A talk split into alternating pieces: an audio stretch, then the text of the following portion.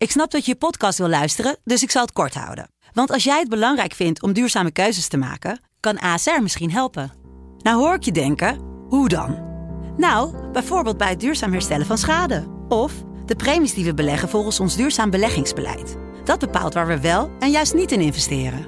Wil je meer weten over welke duurzame keuzes ASR maakt? Ga dan naar asr.nl slash duurzame keuzes. ASR doet het. Zo, dan kan je nu lekker naar je podcast luisteren. De Pantelich podcast wordt mede mogelijk gemaakt door UdiBet.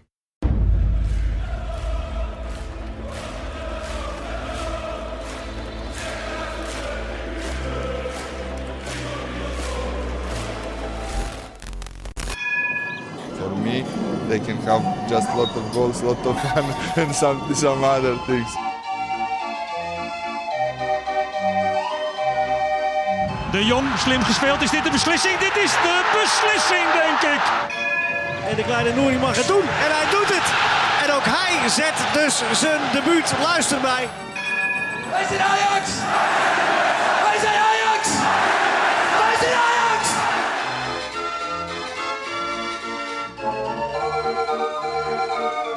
Welkom Ajaxide bij de 36e Pantelits podcast. 26 januari bestond vak 14 eh 20 jaar. Lars, wat vond jij de mooiste sfeeractie van 14? Ehm, wat ik de mooiste sfeeractie vond, weet ik niet specifiek. Ik weet nog dat ze 15 jaar bestonden, dat ik daar toen bij was. Ehm, Was dat, was bij de magere, cool. magere brug of eh, wat gebeurde er toen? Dat was toen. Nee, toen hadden ze allerlei sfeeracties tijdens de wedstrijd.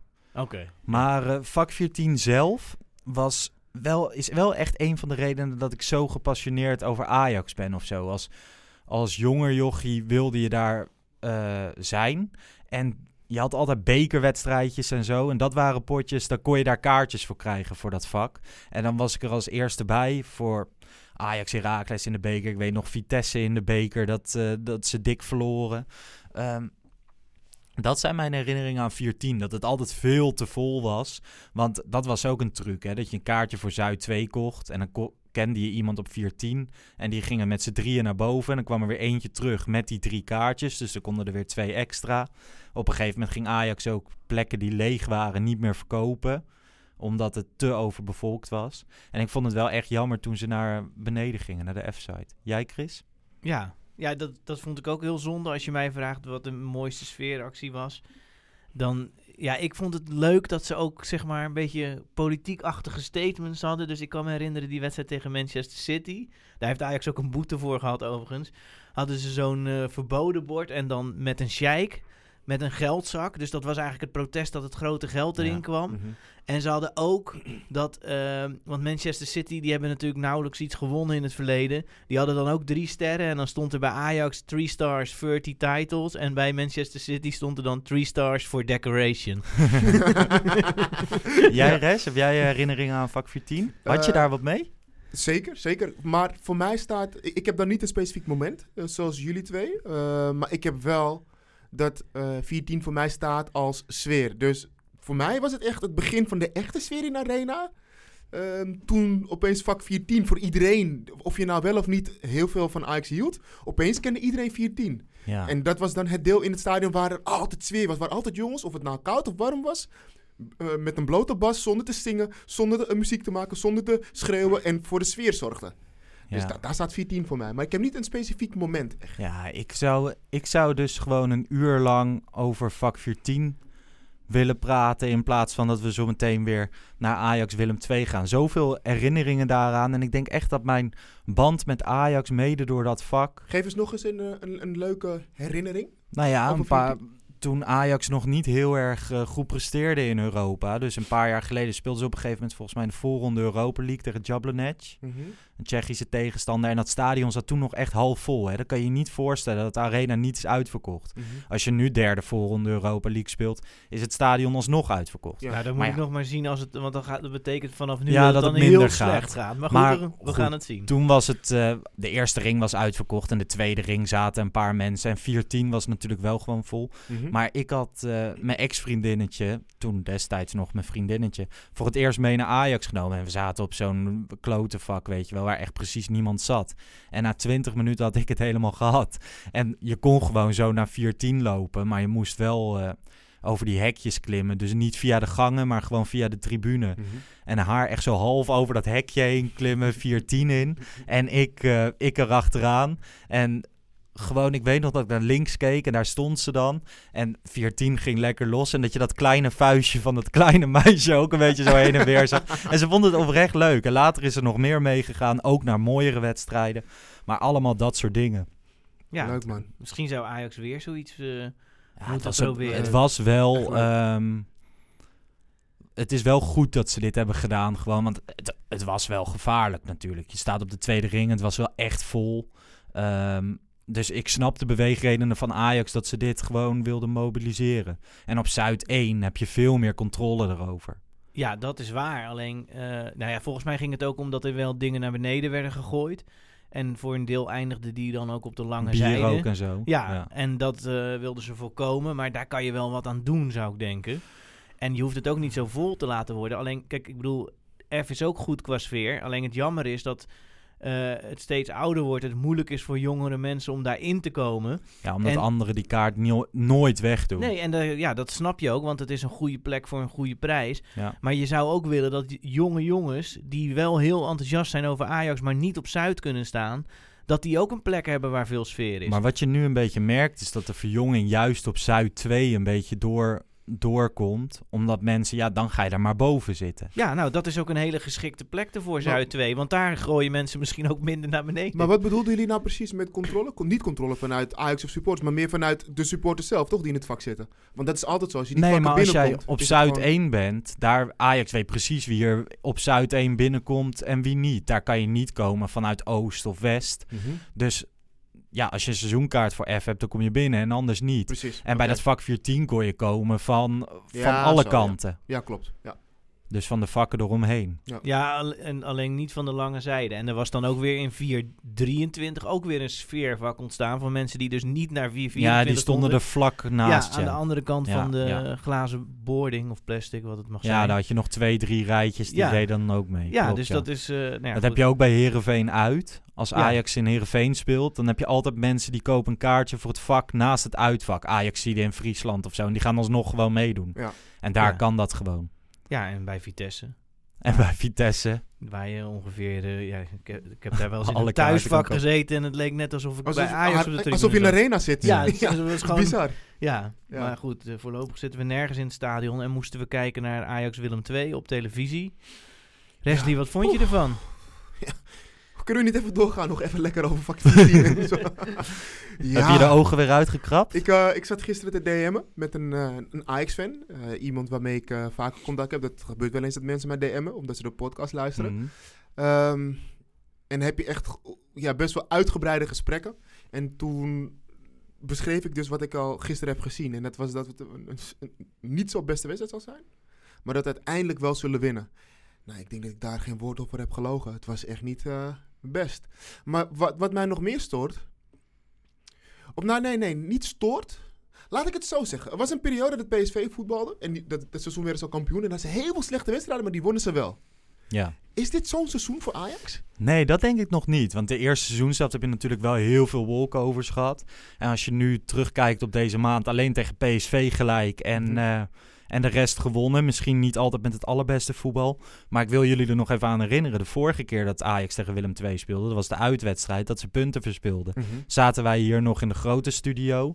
En toen heb ik geroepen, dat was volgens mij eind december. En toen heb ik geroepen van ja, eind januari is de grote crisis in Amsterdam, is Ten Hag weg. En is de, is de ellende uitgebroken. Nou ja, niets is minder waar. Want wat dat betreft, qua resultaten gaat gewoon heel goed. Ja, maar de druk Ja. op Ten Hag, hoor, daar hoor, je hoort wel meer mensen negatief over Ten Hag. Komt dat niet ook een beetje Ja. doordat het vanuit de media gevoed wordt? Ik vind wel echt dat de... Ik, Ik weet vind het, juist dat er weinig vanuit de media gevoed wordt. Nou, nu eventjes. Maar er is echt wel een periode geweest dat de Telegraaf echt goed, goed Ten Hag eventjes eh, te pakken ging nemen. maar niet dit seizoen, toch? Nee, niet dit seizoen. Maar ik vind wel dat ze... Op een of andere manier, hij is nooit likable geweest, Nee. Ten Hag. Dus hij heeft altijd achter gestaan. Of hij het nou goed deed, of dat hij een keer een goed interview gaf. Hij heeft altijd, eh, ja... moeten vechten tegen het beeld dat wij toch al van hem hebben. Ja. Ehm, we hebben vaak genoeg gesprekken gehad dat we hem niet goed vinden voor de camera. We hebben vaak genoeg gesprekken gehad dat we ons afvragen hoe die gesprekken gaan in het team. Ehm, maar ja, wat je nu wel steeds meer hoort, is dat mensen zich afvragen of die chemie niet gewoon over is. Is het misschien niet gewoon echt nu ja, een soort van klaar? Is het net zoals dat je bij een werkgever zit en dat je op een gegeven moment denkt na drie jaar, nou, ik vind het wel mooi geweest, Ja, ik, ik ben, ik zag, ben hier eh, uitgeleerd. zag gisteren ook een tweet van eh Vev, Jordi Amali, die ook wel eens bij voetbalpraat zit. Hij had een polletje of Ajax na het seizoen gewoon afscheid moet nemen van Ten Hag. Dat het tijd is voor iemand anders. Dat Ten Hag een mooie transfer maakt naar een Borussia Mönchengladbach. Wat Ja. laatst, eh, laatst werd gezet, zegt. Ja, en dat, dan zie je ook de resultaten. Dat verschilt niet heel veel van elkaar. Misschien is de chemie ook wel op. En moet je wel besluiten van, nou ja, nou ja na dit seizoen is het over. Ja. maar, maar zien, zien we dat op het veld? Dat Nee, de chemie... ik, nee, ik, kijk, ja, Ajax speelt niet supergoed, maar staat gewoon eerste en gaat kampioen worden. Ehm, ik, ja, de belangrijkste graadmeter is iets wat wij niet goed kunnen zien. Dat is namelijk wat de spelers ervan vinden. Ja. Als die spelers het idee hebben van, ja, dit is een, een goede coach en we voelen ons hier heel fijn onder, dan, ja, dan is dat wat mij betreft prima. Kijk, Van Gaal was ook dat je gewoon op, in de media soms, ja, hij had goed de resultaten mee, dan is het anders. Maar in de media dacht je soms over Van Gaal, ja, deze man is niet helemaal goed. Maar de spelers liepen allemaal met hem weg. Ja. Dus ja, en het was een fantastische trainer. Dus ik denk als, als die spelers het idee hebben, ja, dit, dit gaat goed, dit, eh, wij hebben hier een goed gevoel bij, we leren hiervan. Dan is het wat mij betreft goed. En ja, natuurlijk, ja, als, je, als het re- resultaat niet goed is, ja, dan was de linksbuiten niet goed genoeg. En dan zat er vast iemand op de bank waarvan je denkt dat hij het beter kon doen. Maar ik vind niet dat Ten Hag hele rare dingen doet. Nou, nou, ben ik niet helemaal met je eens. Ik vind, Wat vind jij echt heel raar? Ik vind uh, promes op 10 heel lang doordrukken en maar doen en doen en proberen en maar volhouden, terwijl het gewoon niet werkte of werkt. Ehm, dat vind ik hele rare dingen. Ja, maar je moet wel ook kijken naar wat er aan alternatieven is. En dat vind ik juist voor die teampositie. Ja, Klaassen op 10 werkt niet echt. Labiat op 10 werkt niet echt. Ja, Promes op 10 werkt niet. Dat heb ik liever. We Dat zijn maar ik heb echt zoiets van... Ik zit ook niet in het eh, kamp Ten Hag oud overigens. En ook niet dat hij na dit seizoen vertrekt. Op Nee. dit moment inderdaad denk ik gewoon dat Ten Hag een prima trainer is voor Ajax. Maar ik vind het ook wel weer cool dat hij gewoon... Hij is heel star. Hij doet echt wat, wat zijn ding is, wat hij wil. Dus als hij Promes vijf wedstrijden op rij op 10 wil zet- zetten... Heel Nederland kan roepen dat werkt niet... En als hij denkt dat het wel werkt, doet hij het wel gewoon. Daar valt ook wel wat voor te zeggen. Je hebt ook trainers. Dan wordt het drie keer in de media geroepen van... oh, de linksback moet vervangen worden. En de linksback is vervangen. Oké, dat, dat kan ik wel waarderen. Maar dan heb je toch ook nog gewoon iets als ehm, ehm, openstaan voor kritiek. En het hoeft niet vanuit de media te zijn, dat snap ik. Daar ga je niet naar luisteren. Maar ik kan me niet voorstellen dat tijdens de meetings die jij heeft met Van der Sar, met Overmars, met andere mensen die in het, in, in, in die, bij die meeting zitten waarbij ze het hebben over het spel van Ajax, dat er dan niet wordt gesproken over, of in ieder geval de vraag wordt gesteld van, hey, hoe zie jij dit traject voor je? Hoe lang wil jij eh, bijvoorbeeld een, een, een promes of een andere speler op een bepaalde positie de tijd geven om het spel te laten spelen dat wij willen? Dat, dat is toch niet zo gek? Ik bedoel, je kan wel vasthouden aan je idee, maar als je ziet dat iets niet werkt, dan is het juist ook wel klasse of zo dat je dan juist wel open staat voor. Misschien zit ik er dan niet helemaal naast, maar een beetje. Misschien moet ik dat even bijschaven. Maar Ja. dat, dat doet hij toch ook wel. Ik bedoel, ja, misschien is Schuurs wel een goed voorbeeld. Het duurt misschien langer dan sommige mensen willen. Hè. Ik bedoel, als je de media en Twitter volgt, ja, dan moet iedereen die één wedstrijd slecht is eruit. Nou, Schuurs speelde meerdere wedstrijden slecht. Uiteindelijk gaat hij dan toch Timber proberen. Ja, die houdt het niet 90 minuten vol tegen Twente. Dan gaat hij een beetje wisselen, allebei gebruiken. Ja. Nou, ik vind dat wel oké. Nadenken over wie je tegenstander is. Wie zet je daar neer? Ja, met de teampositie lukt het nog niet. Eh Ehm. Klaassen en Gravenberg is... Dat duurde ook even voordat we daar het goede hadden. En ik vind dat nu goed. Er is wat meer... Ik, ik vind. ja. ehm, ehm, ehm, ik denk dat het wel tijd wordt om Blind wat rust te geven. Ja, als Ja. je naar de gis- wedstrijd van gisteren kijkt en sowieso de afgelopen wedstrijden inderdaad, dan heb je wel eens van... eh, inderdaad. En je hebt met Martinez, heb je natuurlijk toch? een Ja. perfect alternatief. Maar dat is wel een ding, hè. Het is je reserveaanvoerder. Ja, het maar is... dat, dat, dat vind ik altijd zo interessant. Want ik snap dat dat een ding is. Maar we hebben nu wel een lange reeks van, eh, van wedstrijden gehad. Waarin we allemaal wel dachten van... Nou, Blind ziet er niet goed uit verdedigend. Blind komt snel uit tekort. En dat weten we. Want voetballend lost, lost hij heel veel op. Alleen de afgelopen periode wedstrijden... Ja, denk ik wel echt gewoon van... Ja, Martinez is ook gewoon een klasse voetballer. Laat hem dan even staan nu. Zeker, ik zou hem bijvoorbeeld... ehm, aankomend weekend tegen AZ zou ik misschien wel voor Martinez kiezen. Alleen, jij gebruikt het woord rust geven. En dat is Ten Hag een tijdje geleden is dat een keer gevraagd. En hij zegt van ja, Blind teert juist of gaat juist presteren door heel veel wedstrijden in korte tijd te spelen.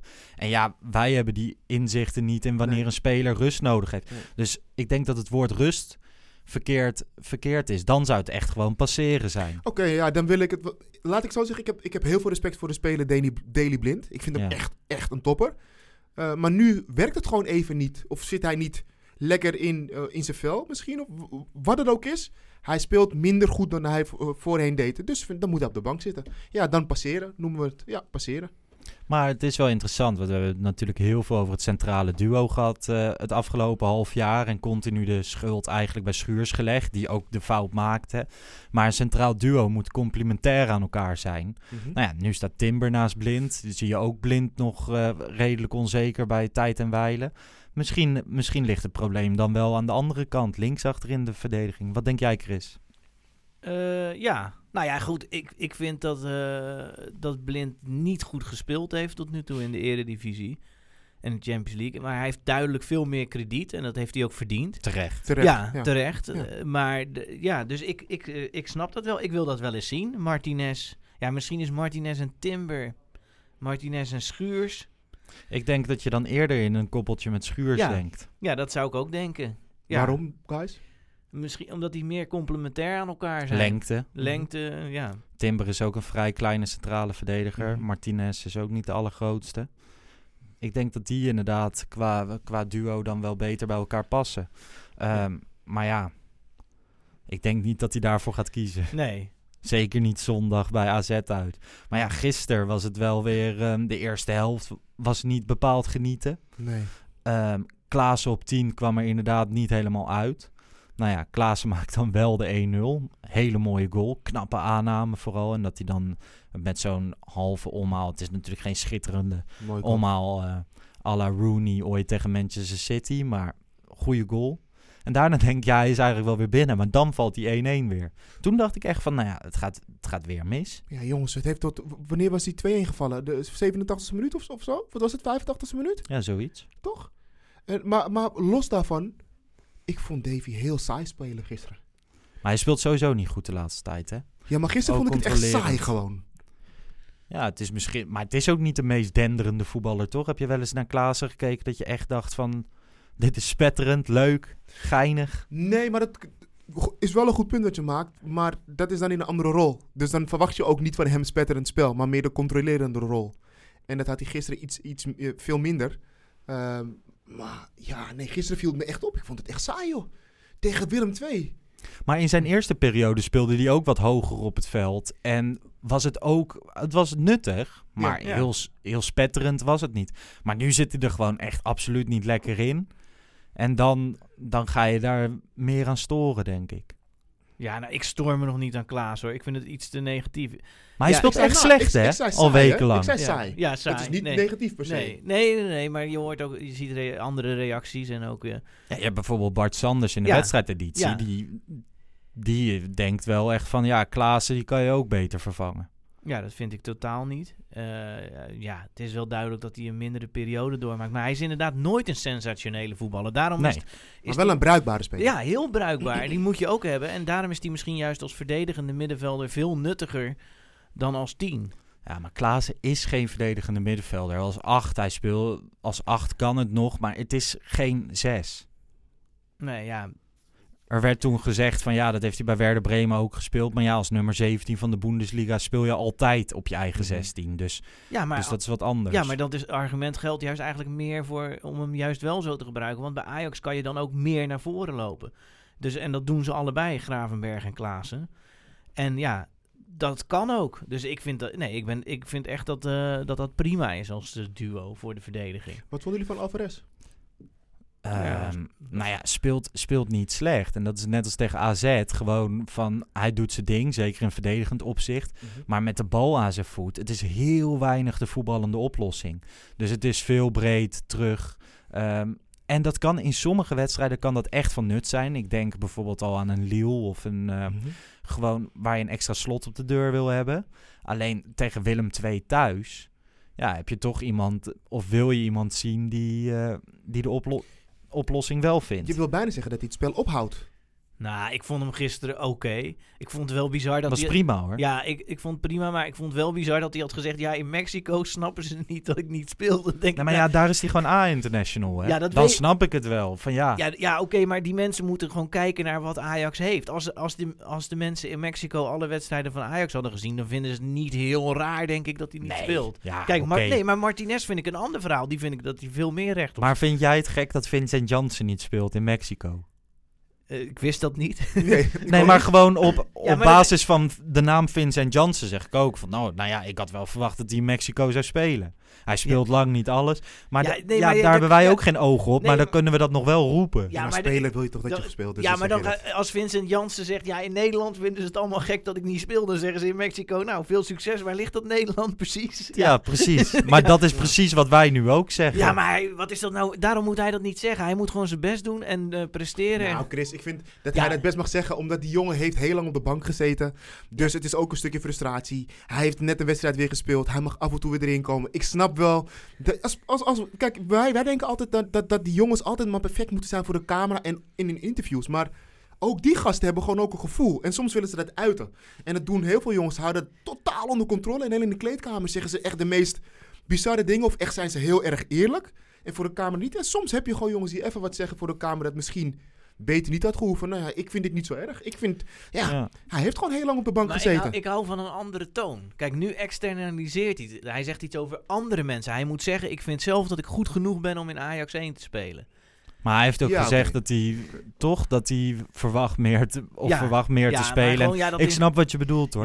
Maar sinds deze week ook zijn vrouw en kind definitief in Nederland. Leuk, denk, dat vind ik wel denk leuk. goed voor hem. Hij krijgt weer meer minuten. Hij vult het niet onaardig in. Maar Chris, Wederom- mag ik even iets... Sorry, sorry Nee, als ik door je heen ga, maar wat is, hoe kan het dat... Weet jij daar iets? Is, het, heeft het, is dat een juridisch ding of zo? Dat een voetballer van Ajax uit Mexico naar Nederland komt... en die wacht gewoon een jaar lang op zijn vrouw en kind. Hoe, is, is dat ja, dan... dat zou met immigratierecht te maken hebben, maar daar weet ik weinig van. Ja. En eh, Nederland heeft wel strenge regels voor gezinshereniging. Maar hoe dat met voetballen zit ik, en hoe dat eh, qua werk zit, dat, dat weet ik echt niet. Maar is het nou... Oké, Ja. jij weet dat niet met, vanwege je expertise niet, maar... Gewoon een vraag aan jullie dan. Is dat niet mismanagement vanuit Ajax? Dat, dat ze een speler halen en vervolgens een speler die een jaar lang zonder zijn gezin is? Maar waarschijnlijk hebben ze dat wel benoemd, toch? Bij de onderhandelingen destijds. Maar als ik de interviews moet geloven van hem niet, want hij was zwaar teleurgesteld en vroeg zich af hoe kan dat? Dus dan lijkt me toch Ja. niet dat het iets is wat hij had verwacht. Hmm. Ja, dat is, vind ik wel lastig om te beoordelen. Maar ik vind het wel aan Ajax om daar goed over na te denken. En als Ajax van tevoren weet dat het niet kan, dat ze het benoemen. Mhm. Dus eh, ja. Volgens mij de- was het niet zo dat de vrouw van Suarez ook heel lang nog in Spanje woonde. Terwijl- Klopt, ja. Ja. Dus eh, ja. Best wel gek. Elke toch? Want keer heen en, weer, heen en weer vliegen. Ja, ja, een goed. Nou ja, goed. Ik, vind het, te- ja, ik weet er te weinig van om er echt iets van te vinden. Maar best gek die regels eigenlijk, want in principe, ik snap wel dat die regels er zijn. Eh, zeker voor mensen die dan eventjes, ik zeg het even gewoon tussen aanhalingstekens, onbekend zijn. Maar dit zijn Ja. voetballers. Dus ja. ehm, je weet gewoon wat ze in Nederland komen doen. Je kunt het elke week zien. Dus het is ook niet zo dat ze in Nederland komen om ja, ergens tussen de regels iets anders te gaan doen. Nee, dit zijn expats, toch? Ja, ze, dus ze waar- werken, op- kunnen ze dan niet- werken op een hoog niveau. Ja, dus dan kunnen die gezinnen... Dan, ja, het Ja. is ook niet zo dat ze hier voor altijd zullen blijven. Want die gaan toch binnenkort weer naar een ander land. Ja. Nee, klopt. Dus je verdient alleen aan als Nederland. Zijn Ja, ik zou... eh, Alleen ik vind het wel zo, voetballers eh, moeten nooit de uitzonderingspositie hebben. Ook niet op dat soort vlakken. Nou, ik denk dat voet, überhaupt mensen op een hoger niveau de uitzondering krijgen. We hebben het nu over voetballers, maar wat Chris zegt, expats die een eh, uitzonderlijke eigenschap of iets anders hebben, waardoor ze dus heel erg gewild zijn door bedrijven, moet je eens weten wat die allemaal Ja. voor voordelen krijgen. Zo werkt het gewoon. ja. Ja. Mensen Nee, gaan ja. de hele wereld over omdat ze een goede opleiding of iets anders hebben, dat is waar. waardoor ze gewild zijn. Dat is ja, waar. dat is waar. De wedstrijd gisteren werd Ja. beslist door Brobby. Eh, de vraag is nu, heeft hij Traoré, die ook aan het terugkeren is, heeft hij die nu ingehaald? Wat Nee, denk jij, Lars? Ik denk het niet. Niet voor Ten Hag. En ik weet niet of voor mij als supporter is het nog een beetje, is het een beetje twijfelen. Ik ben heel enthousiast over Bobby. Traoré heeft het ook prima gedaan in de eerste seizoen zelf. Eh, ik denk dat het Robertje vecht is om die tweede stek achter Haller. Ik kijk echt met verbazing naar. Ja? Jij bent een Brobby-fan. Ik ben een Brobby-fan, En dan zeker. ga je dit zeggen. Maar Brobby heeft nog niet, en dat is, heeft hij aangetoond, gewoon van het, het eh, conditioneel vermogen om echt langere tijd te spelen. Ik bedoel, gisteren valt hij 10 minuten in en zo. Ja, hij speelt wel eens bij jong Ajax, maar zelfs conditioneel bij jong Ajax heeft hij het al lastig met 90 minuten. Eh, ik, dus daarom denk ik dat het stuivertje wisselen wordt. En zijn contractsituatie, zolang hij die handtekening niet heeft gezet, is het voor Ajax gewoon een stuk interessanter om Traoré te laten spelen. Zijn toon is wel veranderd, hè? Als het gaat om vragen over zijn contract. Ik weet nog een tijdje terug, voor de winterstop, was het... Ik ga sowieso tekenen. Ik blijf Ja. bij Ajax. En nu is het, ik zeg niets meer over mijn contract. Nee, hij mag niks zeggen van Ajax, hè? Hij is gewoon verboden om wat te zeggen zolang hij niet zijn handtekening Hij mag heeft niet- gezet. Ah. Dus hij mag niet voor de camera Hij mag niet komen. voor de camera komen. Overigens, vanuit, eh, je hoort natuurlijk in de traditionele media hoor je altijd de kant van, van Ajax. Dat ze hopen dat hij gaat verlengen. Ze hebben vorige week weer gezeten. Maar ehm, vanuit de andere kant heb ik ook gehoord van dat je dat er ook beloftes naar Bobby toe niet helemaal zijn nagekomen. En dat daar ook twijfels in zitten. Vertel, wat, wat voor beloftes en eh, welke... Dat weet ik niet specifiek. Maar we, en wat is die bron daarvan dan? Ja, je moet nooit je bronnen noemen, toch? Oké. Maar Ja, gewoon Brobby, Brobby eh, dat gerucht over Dortmund ging een paar weken geleden dat hij naar Dortmund zou gaan. Nou ja, Mhm. niet hij, maar Rijkoff eh, uit de jeugd dus gaat uiteindelijk naar eh, Dortmund. Maar eh, daar klopte niet veel van. Volgens mij zit hij gewoon heel erg mee met van Ajax moet gewoon een heel duidelijk plan met hem hebben en hij moet echt een goed perspectief hebben. Wil hij die krabbel zetten? Ja, ik vind het dus een heel slecht moment. Zeg maar om weg te gaan naar bijvoorbeeld Dortmund of naar Engeland. 100 procent. Ik, kijk, ik vind, ik ze- zeg maar, ik ben daar ook niet echt een voorstander van. Maar als je 16 bent en je, en je zegt: Oké, ik ga naar Engeland toe. Ik ga daar een sterkere, zeg maar, jonge man worden. Ik train meer fysiek. En ik denk dan dat ik op mijn 19e beter ben. Kan ik beter inkomen? Als je 21 bent en je hebt 50 wedstrijden in Ajax 1, je hebt 70 wedstrijden in Ajax 1 en je gaat dan naar Engeland of dan naar Duitsland, snap ik ook goed. Maar dit moment vind ik zo'n slecht moment om naar het dat- buitenland te gaan. Dat heb je vaker gezegd. Alleen ik snap wel dat je als je jeugdspeler bent met het talent van Brian Brobby, die gewild is door het buitenland, dat je wil dat een club gewoon een duidelijk plan schetst en dat je bepaalde zekerheden hebt. En Ja. zekerheid op spelen heb je nooit. Ja, maar je, bent, je zit bij een club als Ajax, jongens. En, hoe- hoe Ja, maar dan nog wil je toch dat ze een plan met je hebben. Ja, maar als Ja, maar hij is, hoe lang zit hij bij Ajax 1? Hij moet gewoon eventjes gewoon nu gaan tekenen, vind ik. Ik vind het Ja. echt een beetje onzin worden nu, hoor. Gewoon ik tekenen. vind ook dat hij moet bijtekenen. hè. En ik hoop Ja, ook heel erg dat hij Ja, en een plan, bijtekent. eh, een plan, ja, tell me sweet little lies. Ik bedoel, wat moet Ajax beloven? Als Brobby niet goed speelt, dan gaat Traoré spelen. En als Haller beter speelt, dan speelt die. Dat is voetbal. Hij, ik bedoel, ja, ze- oké, Ajax kan hooguit uitspreken. Ja, onze ambitie is dat je nu volgend jaar begint als tweede spits. En we hopen dat je misschien zelfs een keer bij een verkoop van Haller de eerste wordt. Spreken ze dat uit? Nou, prima. M- Maar hoe zit dat? Ja. Want wat Chris zegt, dat gevoel heb ik ook hoor. Want oké, hoe ziet dat plan dan eruit? Gaat, gaat dan echt de zaakwaarnemer met Overmars bepalen hoeveel wedstrijden in de basis staat? En hoeveel wedstrijden hij... Nee, maar je verwacht toch gewoon dat er in de zin van dat ze zeggen van nou ja, dit jaar ben je inderdaad nog derde spits. In de zomer verwachten we Traoré te verkopen. Ik zeg maar wat hè. Ben je volgend seizoen tweede spits. Over twee jaar hopen we dat je Haller bent nage of voorbij gestreefd. En ben je eerste spits. Dat is je plan. Of dat is ons plan. Dat gaan we op deze manier invullen. Je moet op deze positie of op deze kenmerken moet je nog verbeteren. Ja, dan, dan hou je van leugens horen. Ik bedoel, Brobby... Nee, maar dat gebeurt toch bij elke voetballer? Nee, maar dat is wel Chris. Er ligt Nee, bij dit- elke dit- voetballer oké, ligt een maar- plan. Ja, Ja, oké, maar, maar alsof dat zeg maar de, de, de... Ik bedoel, daar gaat het toch niet aan liggen? Ik bedoel, we moeten nu gewoon zien hoe goed Brobby is. En er kunnen twee dingen gebeuren. Hij is goed genoeg of hij is niet goed genoeg. En, en als hij niet goed genoeg is en hij heeft eh, 30 wedstrijden gespeeld... want die gaat hij wel spelen als hij blijft... dan kan die uiteindelijk ook weg. Oké, maar hebben we, het- eh, zien wij een, een, aspect die besproken wordt tijdens die gesprekken misschien over het hoofd? Is het, gaat het misschien over geld? Ja. Ik heb daar mijn twijfels bij. Ik denk het niet. Ik denk Nee? niet dat het specifiek om geld gaat. Nee. ja.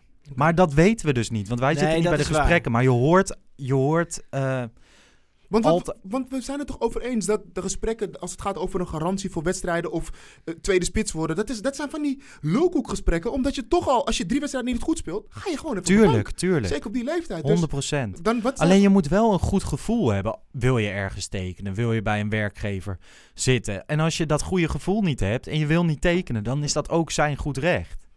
Ja, maar Ja, hij, ja. dat Ja, goed gevoel ja. kan hij toch gewoon uit het recente verleden halen. Hij staat er nu veel beter voor dan een jaar geleden. En hij stond er een jaar geleden veel beter voor dan twee jaar geleden. Nou, misschien staat hij er volgend jaar nog weer beter voor. Ja, maar misschien heeft hij het gevoel van dat kan ik ergens anders beter. Dus dat, dat kunnen wij, dat kan niemand kan voor hij hem ergens anders bepalen. Beter, want dan komt hij in Dortmund aan waar hij niemand kent. Nou, en dan gaat hij in jong Dortmund voetballen. En als hij het goed genoeg doet, kan hij in het eerste van Dortmund komen. Maar ja, waarom zou hij dat doen? Ja, maar ik ben dus niet echt van de stempel van ehm, dat je elke jeugdspeler maar zijn bek moet houden en tekenen. Nee, maar dat hebben we niet gezegd. niet, Nee, maar dat insinueert Chris toch wel een klein beetje in de Nou, zin van... je nou bent ja. een jeugdspeler, je hebt alles aan Ajax te danken, je moet tekenen. Nee, helemaal niet. Wat ik insinueer is dat dit hele circus geen eh, zeven maanden hoeft te duren. Dat ben ik 100% met je eens. Nou, maar dat een- weten wij een dus niet, want we- Jawel, want het is wel als, we weten wel hoe lang het duurt. Ja, maar jij zegt het niet hoeft te duren. Maar ik weet niet of het zo lang niet hoeft te duren. Want ik weet niet wat er nog meer speelt. Nou ja, kijk, het kan toch heel simpel zijn. Eh, A zegt eh, je gaat eh, eh,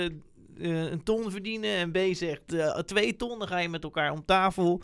En in de meeste gevallen wordt het dan anderhalve ton. Nou ja, en zoiets moet het worden. Ja, en dan weglopen en dan is er aandacht van Dortmund en geschreeuw en gedoe en dan geen interviews en zo. Kom op. En als hij zelf nadenkt, zou ik blijven. En als hij dat niet wil, Ajax hoeft ook niet alles te betalen. En hij hoeft ook niet voor niks te voetballen. Maar de geluiden zijn dus dat ze vorige week donderdag hebben ze weer een keer samengezeten. En Ajax is nu, een maand geleden was het eigenlijk wel een beetje klaar. Met Bobby, die zou niet gaan verlengen. En inmiddels is de vibe toch wel een beetje aan het keren met het idee van, nou ja, de kans is toch wel aanwezig dat hij gaat tekenen. En mag ik iets eraan toevoegen? We moeten nou nu ook niet doen alsof dit de, de, de, de, de, de volgende... Ik, laat ik zo zeggen, ik heb dat nog niet gezien dat hij de, de, de volgende grote spits is die wij vanuit de opleiding eh, in de spits hebben staan. Maar wie is de laatste spits die Ajax heeft opgeleid? Kluivert, Ja. mij. Ja, dus, maar we doen nu nou net alsof het... eh, Maar het daarom zou het zo hè? tof zijn als Ajax weer een keer een spits op, eh, opleidt. En ik, ehm, ik denk inderdaad, hij is er nog lang niet. toch? Nee, hij Ja. heeft nog lang niet het niveau dat je zegt van, nou ja, ga maar je gewoon staat er, alles spelen. Nee, ja, hij moet zich zeker nog doorontwikkelen. Ik weet nog dat... Wat, wat, wat, wat was er allemaal bij Ajax op een gegeven moment? Wat hadden we vanuit de jeugd? Eh, Castillon hadden we. Was toptalent. Ja, in de en jeugd. die was ook fysiek heel erg sterk. En die heeft daar natuurlijk in de jeugd jaren op geteerd. Dus die knalde alles binnen tegen die kleine ventjes in de onder de 16. Wie hadden we nog meer vanuit de spits? Die... Brutil José? Wie? José? José, Ja. ken je die nog? En dan- toen was ik waarschijnlijk in de Die sloeg eh, tegen FC? Twente eh, toen in de arena toch een eh, speler neer. Dat was, Mooie gozer. was, eh, wanneer was dat? Vij- 2005, 6 of zo? Ik weet het eigenlijk Weet ik niet meer. Maar ja, het is heel vaak... Ja, natuurlijk, ik wil ook gewoon dat, eh, dat, eh, dat hij slaagt, Brobby.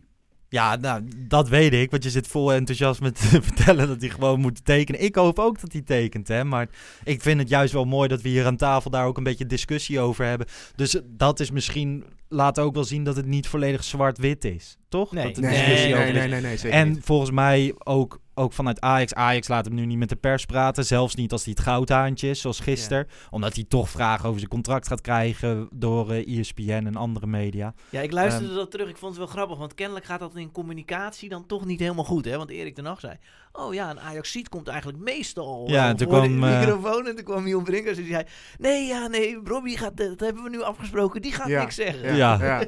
ja, mooi. Ja, en bij ESPN in de studio zeiden ze ook van... eh, ze gingen naar de reclame en Milan van Dongen zei... ja, na de reclame zijn we terug. Onder andere met de reactie van Brobby. Gaan we ook nog even vragen naar zijn contract. Nou, Brobby was even helemaal nergens. Maar Hm. puntje bij paaltje. Hij was het goudhaantje. Hij stond erin. Of hij kwam Zeker, erin. Zijn zeker. tweede balcontact was een goal. Zeker. Maar- Uit de lucht, uit de lucht. Uit de lucht was het een overtreding van Haller. Ja, tuurlijk. ja, ja, zonder meer. Ik zeg als Ajax ziet, zeg ik absoluut niet. Geen overtreding. Niks aan de hand. Ja, jij bent niet, je bent niet objectief genoeg. Nee, ja, het was een overtreding, duidelijk. Ik snap ook niet dat de, de VAR ziet het, toch? Maar dus ja, niet. maar dat was Bas Nijhuis. En Ja. die zit gewoon eh, daar een beetje van... ik ben van mannelijke voetbal. Ja, Ja, Ja. Ik doe dat even Die- niet. Die verslaggever zei dus al, de oh, commentator zei... oh, het Oh, is ja. Bas, die gaat hier... Ja. Nee. die gaat dat niet doen. Ja, dat is... Ja. Dat Maar in is- eerste instantie zag ik het ook niet zo goed. En toen Ja. later zag ik het nog een keer terug. En toen dacht ik... Oh. Maar mogen we wel een beetje stellen dat het liefst zouden wij als voetballiefhebbers meer het spel van Bas willen zien op het veld. Dus als scheidsrechters gewoon hoe hij dat beoordeelt, als alle scheidsrechters veel meer dat mannenvoetbal terug zouden brengen, dan zou je toch ook veel meer gewoon echt lekker op, op, de, op het scherp van de snede gewoon voetbal zien. Dan zou je gewoon dat... Nou, maar de we- andere kant op is dat vervelend hoor. Ja, dat Gewoon, als het mee zit, ja, tuurlijk. Dan, dan vind je het lekker, lekker door laten Nee. voetballen en zo. Nee, ik meen het voordeel serieus. Ik uit vind het, haalt. ik, vind het, ik vind het echt wel lekker als hij aan het fluiten is. En ik weet dat heel veel mensen hem echt irritant vinden. Ook vanwege zijn tv-optredens. Omdat hij nu wel echt heel erg popiopie aan het doen is. Maar hij is wel gewoon... Ik hou er wel van. Dat het gevaarlijke is gewoon dat bij hem, als hij een fout maakt, zorgt dat voor aandacht. Zorgt dat hij weer op maandag bij Voetbal Insight zit. En, Ja, dat of. Veronica Insight. Mhm. En het lijkt wel alsof hij zich daar bewust van is. Dat hij daardoor meer boeken gaat verkopen en dat soort onzin. En dat, het zou echt moeten gaan om het fluiten. En ik zeg niet dat scheidsrechters niks anders mogen doen dan fluiten in het weekend. En daarnaast in de bakkerij werken en op Mhm. de boerderij, wat hij nog meer allemaal doet. Ehm, maar bij hem heb ik dan wel mijn twijfels. Gewoon van, doe je dit soort beslissingen maken omdat je dan weer in de media nee, komt? daar- dat heb Nee, ik, dat niet. Dat heb ik echt niet, Niet. dat gevoel. Maar wel dat hij echt... Ja, hij vindt, ik denk dat hij een huis vol met spiegels heeft. Hij Ja. vindt zichzelf echt geweldig. Maar dat vind ik, Ja. dat Ja. vind ik dan wel weer mooi. Ja. Gewoon dat het wel een beetje zo'n arrogante vent Ja, is. ja. Dat is Ja. toch lekker als ze helemaal volgespoten met zelfvertrouwen. want hij en Smit worden nooit meer vrienden. Toch? En, Nee. en Smit zegt wel eens dingen. En dan zegt Nijhuis... Nee, heb ik nooit maar gezegd. dan ben ik gewoon kamp Bas. Bas helemaal gelijk. Is dat omdat het trainer van PSV Schmid. is? Nee, omdat het een Duitser is. Maar als die, als, die, als die zeg maar... Ja, als ik naar die ruzie kijk, dan in principe zou, kan ik meer sympathie opwekken voor Bas Nijhuis. Maar als die dat wel gezegd heeft, dan vind ik dat heel kwalijk.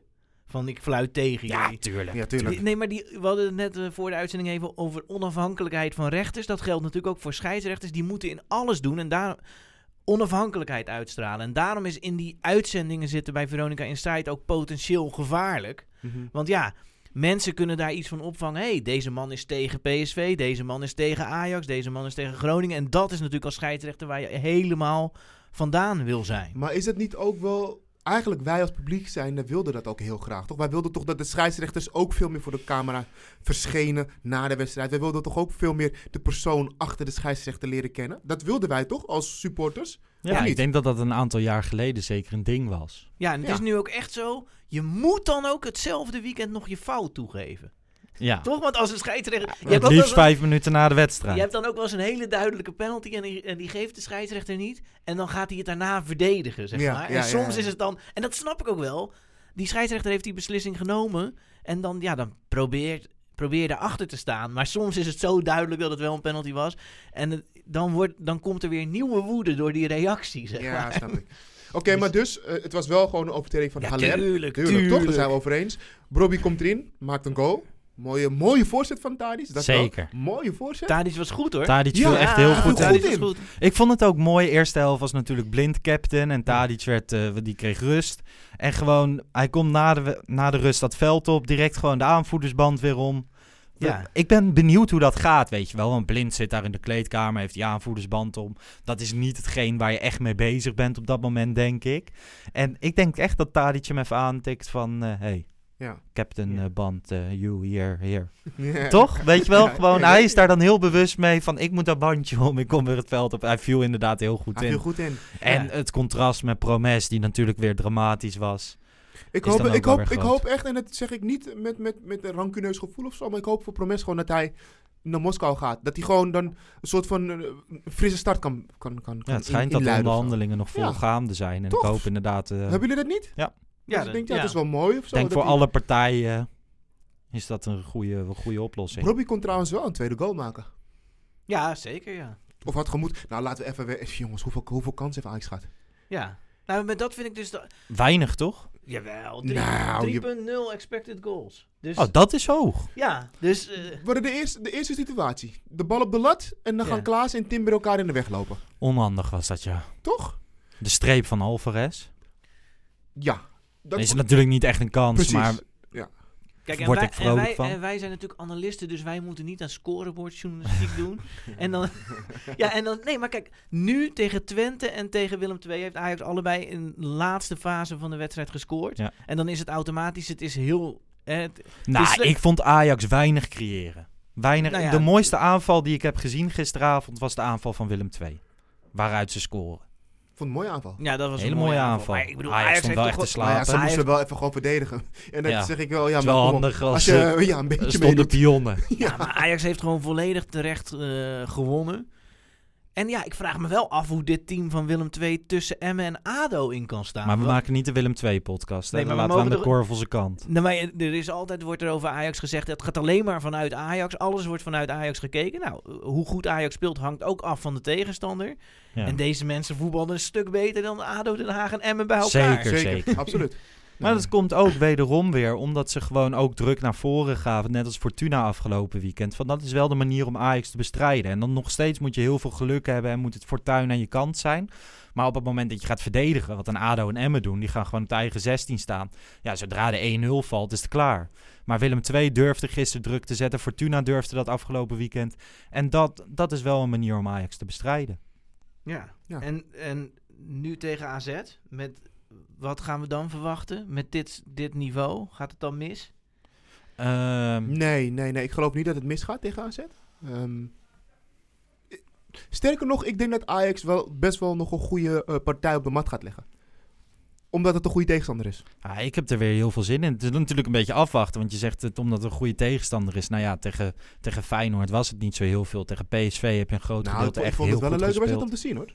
Als ik, het is, ik snap dat dit de Ajax-podcast is, maar ik... Tegen Feyenoord? Uh, Oh, jij, jij bedoelt nee, Fey- nee, ik, Feyenoord AZ. ik, ik dacht ja. Feyenoord AZ. Oh dus- ja, ik ook. nee, Zodat ze in dat goede was een leuke zijn. wedstrijd om te kijken. Ja, Alleen precies. Dus AZ, AZ, is een goede AZ doen. is heel wisselvallig. Afgelopen weken hebben ze weer dramatisch gespeeld. Ze hebben eerder tegen PEC Zwolle een paar weken geleden was verschrikkelijk. Tegen Feyenoord was het inderdaad leuk. Maar AZ is gewoon een hele gevaarlijke ploeg. Ligt wel een beetje aan de vorm van de dag. Ja. Ik ben er wel bang voor hoor, die wedstrijd van zondag. Nou, ik denk Maar- wel dat dit van de topwedstrijden misschien Ajax het minst, minst lekker ligt. AZ. Ja. AZ is natuurlijk heel gevaarlijk op het moment dat ze ruimte krijgen. Boadu scoort niet heel veel tegen de kleine clubs, maar tegen de grote clubs gaan ze als een gek. AZ heeft in competitieverband de laatste zeven of acht toppers gewonnen. Terwijl ze Ja. daarvoor maar één van de twintig Ja. toppers of zo wonnen. Maar, maar AZ is goed in topwedstrijden. Ja. En ook tegen Ajax zullen ze ruimte krijgen. En zeker met Boadu Ja, is dat dan En daarom verwacht ik wel een leuke wedstrijd. En Ajax kan hele goede zaken doen natuurlijk. Want eh, als Feyenoord van PSV wint, en dat gebeurt vaak, dan, eh, ja, dan is de afstand 7 punten. Ja. En we moeten natuurlijk nog een buffertje hebben. De laatste wedstrijd is Vitesse-Ajax. En Ajax moet zorgen dat het dan Ja, een minimaal... van de laatste wedstrijden Feyenoord-Ajax. Je Ja, hebt een dus- lastig eind. Dus ja, wil- maar we gaan ook nog Europees spelen, jongens. In die periode is ook nog... Dan kan je ook nog... bij- Ajax gaat Ja, echt nog wel punten Precies. verliezen. Dus Ja, maar goed. Maar AZ, eh, dat hoeft niet zo'n... eh, Maar hoe ga je spelen? Ga je hetzelfde als gisteren spelen met Alvarez, Gravenberg, Klaassen op 10? Of ga je toch met Labiat spelen? Of ga je toch met Promes op 10 spelen? Ik denk, ik denk dat hij sowieso Gravenberg en Klaassen weer voor de verdediging zet. En dan een nummer 10 zoekt. En ik denk dat het Labiat wordt. Ik denk hetzelfde. En Tadic gewoon op links, dus Promes Ja. op de bank. eens. Dus met Labiat. En anders, anders eh, is het toch Dat is ook geen Klaassen en verrassing tot deze Alvarez. opstelling. Nee, Nee. En wie achterin? Timber of Schuurs? Ik denk Timber, Ik denk omdat dat hij tegenover gaat eh. Boadu speelt. Want, want de Ja. reden waarom Timber nu elke keer gewisseld wordt, is omdat hij het gewoon nog niet aan kan, toch? Ja, Nee, volgens mij wel. Ja? Dat vind, ik, dat vind ik wel een klein beetje knullig hoor. Het is wel, ik snap het op zich wel, maar het komt toch een beetje knullig over. Maar mag ik wel één argument dan inbrengen? En dat is volgens mij, ehm, Timber heeft ook heel lang op de bank gezeten. En dan was het de bedoeling toch dat hij bij Jong Ajax extra zou spelen. Om een beetje conditie bij te halen, wedstrijden. Maar vanwege corona hebben, hebben ze heel weinig gedaan, hè, die spelers. Nou, Timber niet. En jong Ajax voetbalt natuurlijk gewoon. Maar waarom is hij dan niet fit? Nou, ik denk dat het niet heeft, niets te maken heeft met eh, conditie. Hoe noem je dat? Je hebt twee soorten condities. Je hebt gewoon. Wedstrijdfit, bedoel je? Nee, dat, dat niet. Ik bedoel gewoon, ik denk dat zijn natuurlijke conditie nog Ja, een beetje hij kan, achterloopt. nee, maar hij kan gewoon de stap zeg maar, naar het eerste. Dat hoor je wel vaker. ja, Dan, dan moet je heel hoog Mhm. Eh, in je intensiteit. eh, intensiteit trainen. En dat kan hij gewoon denk ik nog, nog niet aan. Ik Maar heb hetzelfde ook met Mazarawi. Dat heb, eh, ik denk ook altijd dat hij echt op de max van zijn kunnen voetbalt. Dus waardoor hij altijd op driekwart van de wedstrijd echt kapot is altijd. Maar Timber moet er gewisseld worden. En Mazraoui die kan Nee. natuurlijk... die kan wel. gewoon door. Die kan, Mazraoui kan gewoon door. Wordt Ja, maar- vaak gewisseld hoor, Maar ik snap Ja, op zich klopt, wel wat. Wesley, Ja. Wesley zegt. Hij legt heel veel energie in de wedstrijd. Ja. Maar misschien is dat op zijn positie en qua zijn spel wat logischer of zo dan bij Timber. Ja. Hoe vaak zie je dat een centrale verdediger gewisseld wordt door conditie? En het is misschien logisch, hè, omdat hij zich aan moet passen. Ik ben, niet, ik ben geen conditietrainer. Maar het voelt gewoon een klein beetje knullig. Ja. Dat het elke Ja. keer, het is gewoon nu een standaard wissel. ja, precies. Ja. Dit is gewoon elke wedstrijd verwacht je dat Timber en nu mag je wordt. vijf keer wisselen. Maar als je drie keer mag wisselen, is het toch zonde als je één vaste wissel altijd Ja. daar voor je moet zetten. Ja, maar dat gaat natuurlijk op een gegeven moment, hoeft dat niet meer. Ja, En dat is te hopen. ja, dat ga ik vanuit. En heeft Daar hij ga ik nu... ook als, vanuit. als hij dat aan het eind van het seizoen nog niet kan, dan eh, is hij niet geschikt. Klopt. Heeft hij nu ehm, ehm, genoeg minuten gespeeld waarop wij, kunnen, waarop wij een eerste beoordeling, beoordeling kunnen doen? Of zeg je nee, hij moet nog even wat meer spelen? Maar hij vult het redelijk in, maar hij valt Ja. nog niet heel positief op. Ik denk, ik, ik heb een beetje het idee van ja, Timber en Schuurs staan een beetje gelijk aan elkaar. Alleen Timber heeft nog geen grote fouten ge- gemaakt. Dus wat Nee. dat betreft, dat hij het streepje voor heeft, is prima. Maar ik weet nog niet of dit het antwoord is voor de komende jaren. Nee joh, dat weet je nog niet. Dus daar heb Ik je weet wel dat je iets hem langer tijd moet nodig. geven. Ja, Zeker. Ja. En dat doen ze ook, Ja. doordat ze nu ook geen recht centrale verdediger halen. Of er moet nog iets gebeuren op de markt. Wat dat betreft, aankomende zondag speelt Ajax bij AZ, maar is het ook transfer deadline day. Eh, FC Afkikken, waar wij deze podcast maken, maken weer de hele dag een live show. Vooral even kijken op YouTube. Eh, verwachten jullie nog iets rondom Ajax? Nee. Nee, nee. nee. Nee, echt niet. Ja, volgens mij zijn ze nog wel links en rechts een beetje aan het kijken. Maar ik, ik verwacht ook niks. En als ze iets doen, dat ze dan ehm, bij, eh, bij Lasse Schöne alsnog een contract voor onder zijn neus leggen. Ja, ik hoop dat ze dat niet doen. Maar misschien kunnen ze een koopje bij eh, Barcelona. Die, eh, Zo. die zit in grote financiële nood. En Maar wat, wat houdt, wat, kun je het iets, iets gedetailleerder beschrijven? In grote financiële nood? nou, volgens mij hebben ze 1,2 miljard aan schulden. Vind ik veel geld. Ja. en, eh, en daarvan is een deel kortlopend. Dus, Oh, dus een gro- groot deel, dus het kan opgeëist worden.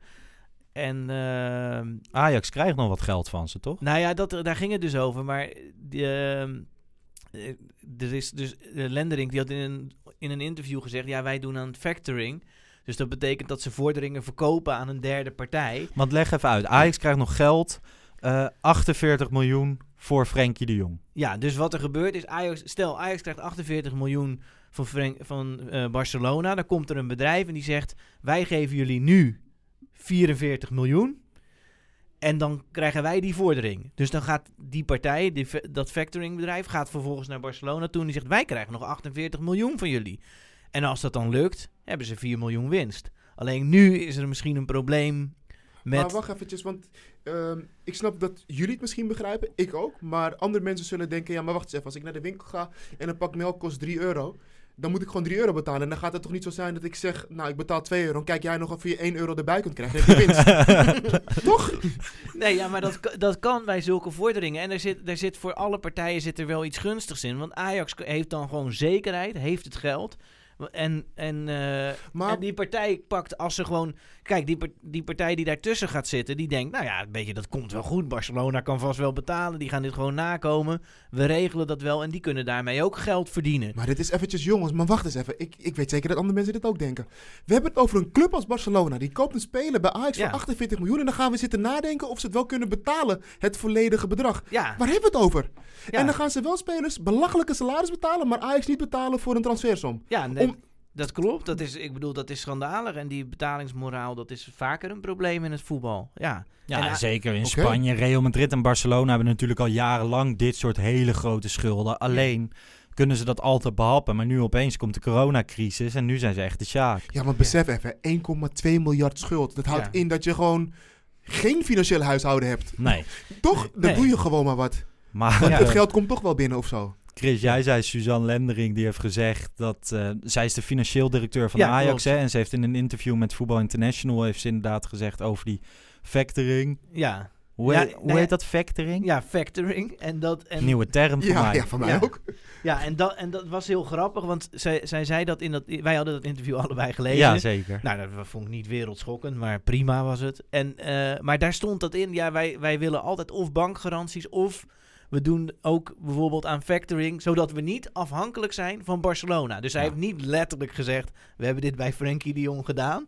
Maar het is wel heel opvallend dat ze zegt, ja, dat we, zodat we niet afhankelijk zijn van Barcelona.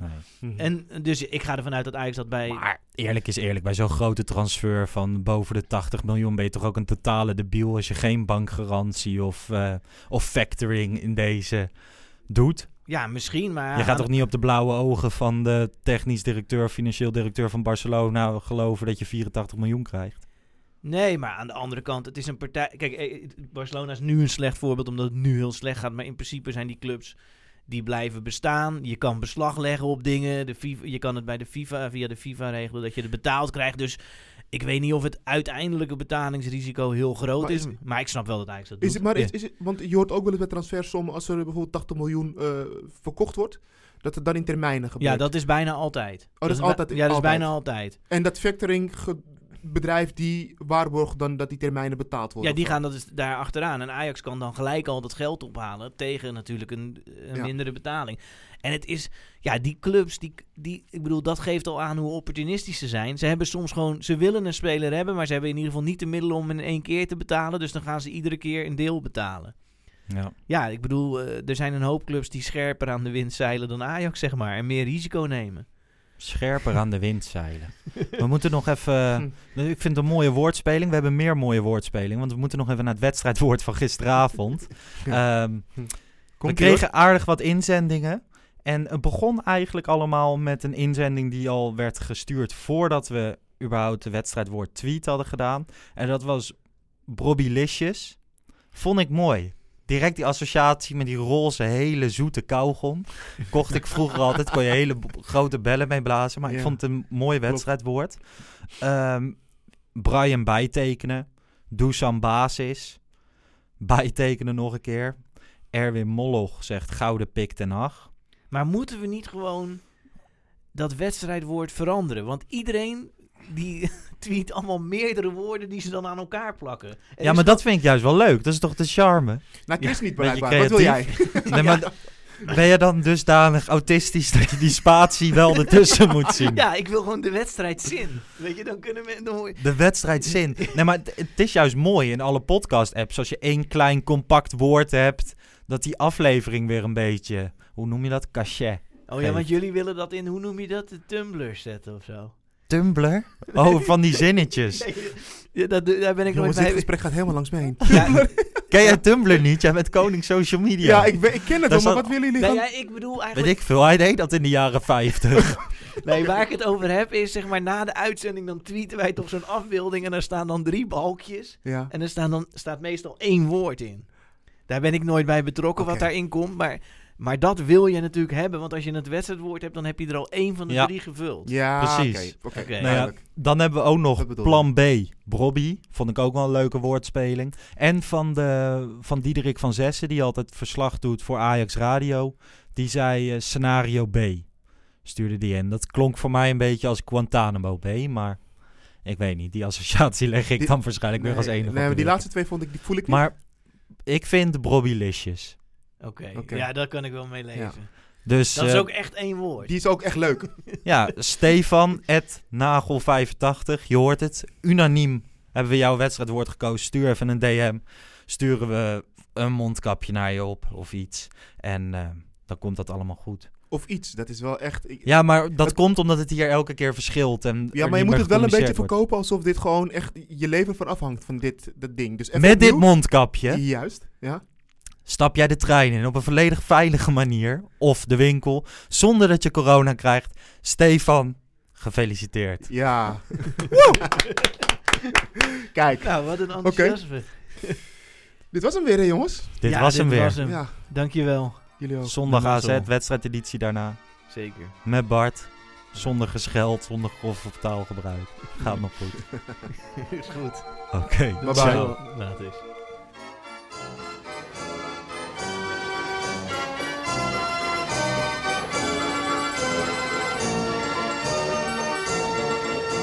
Let's go Ajax.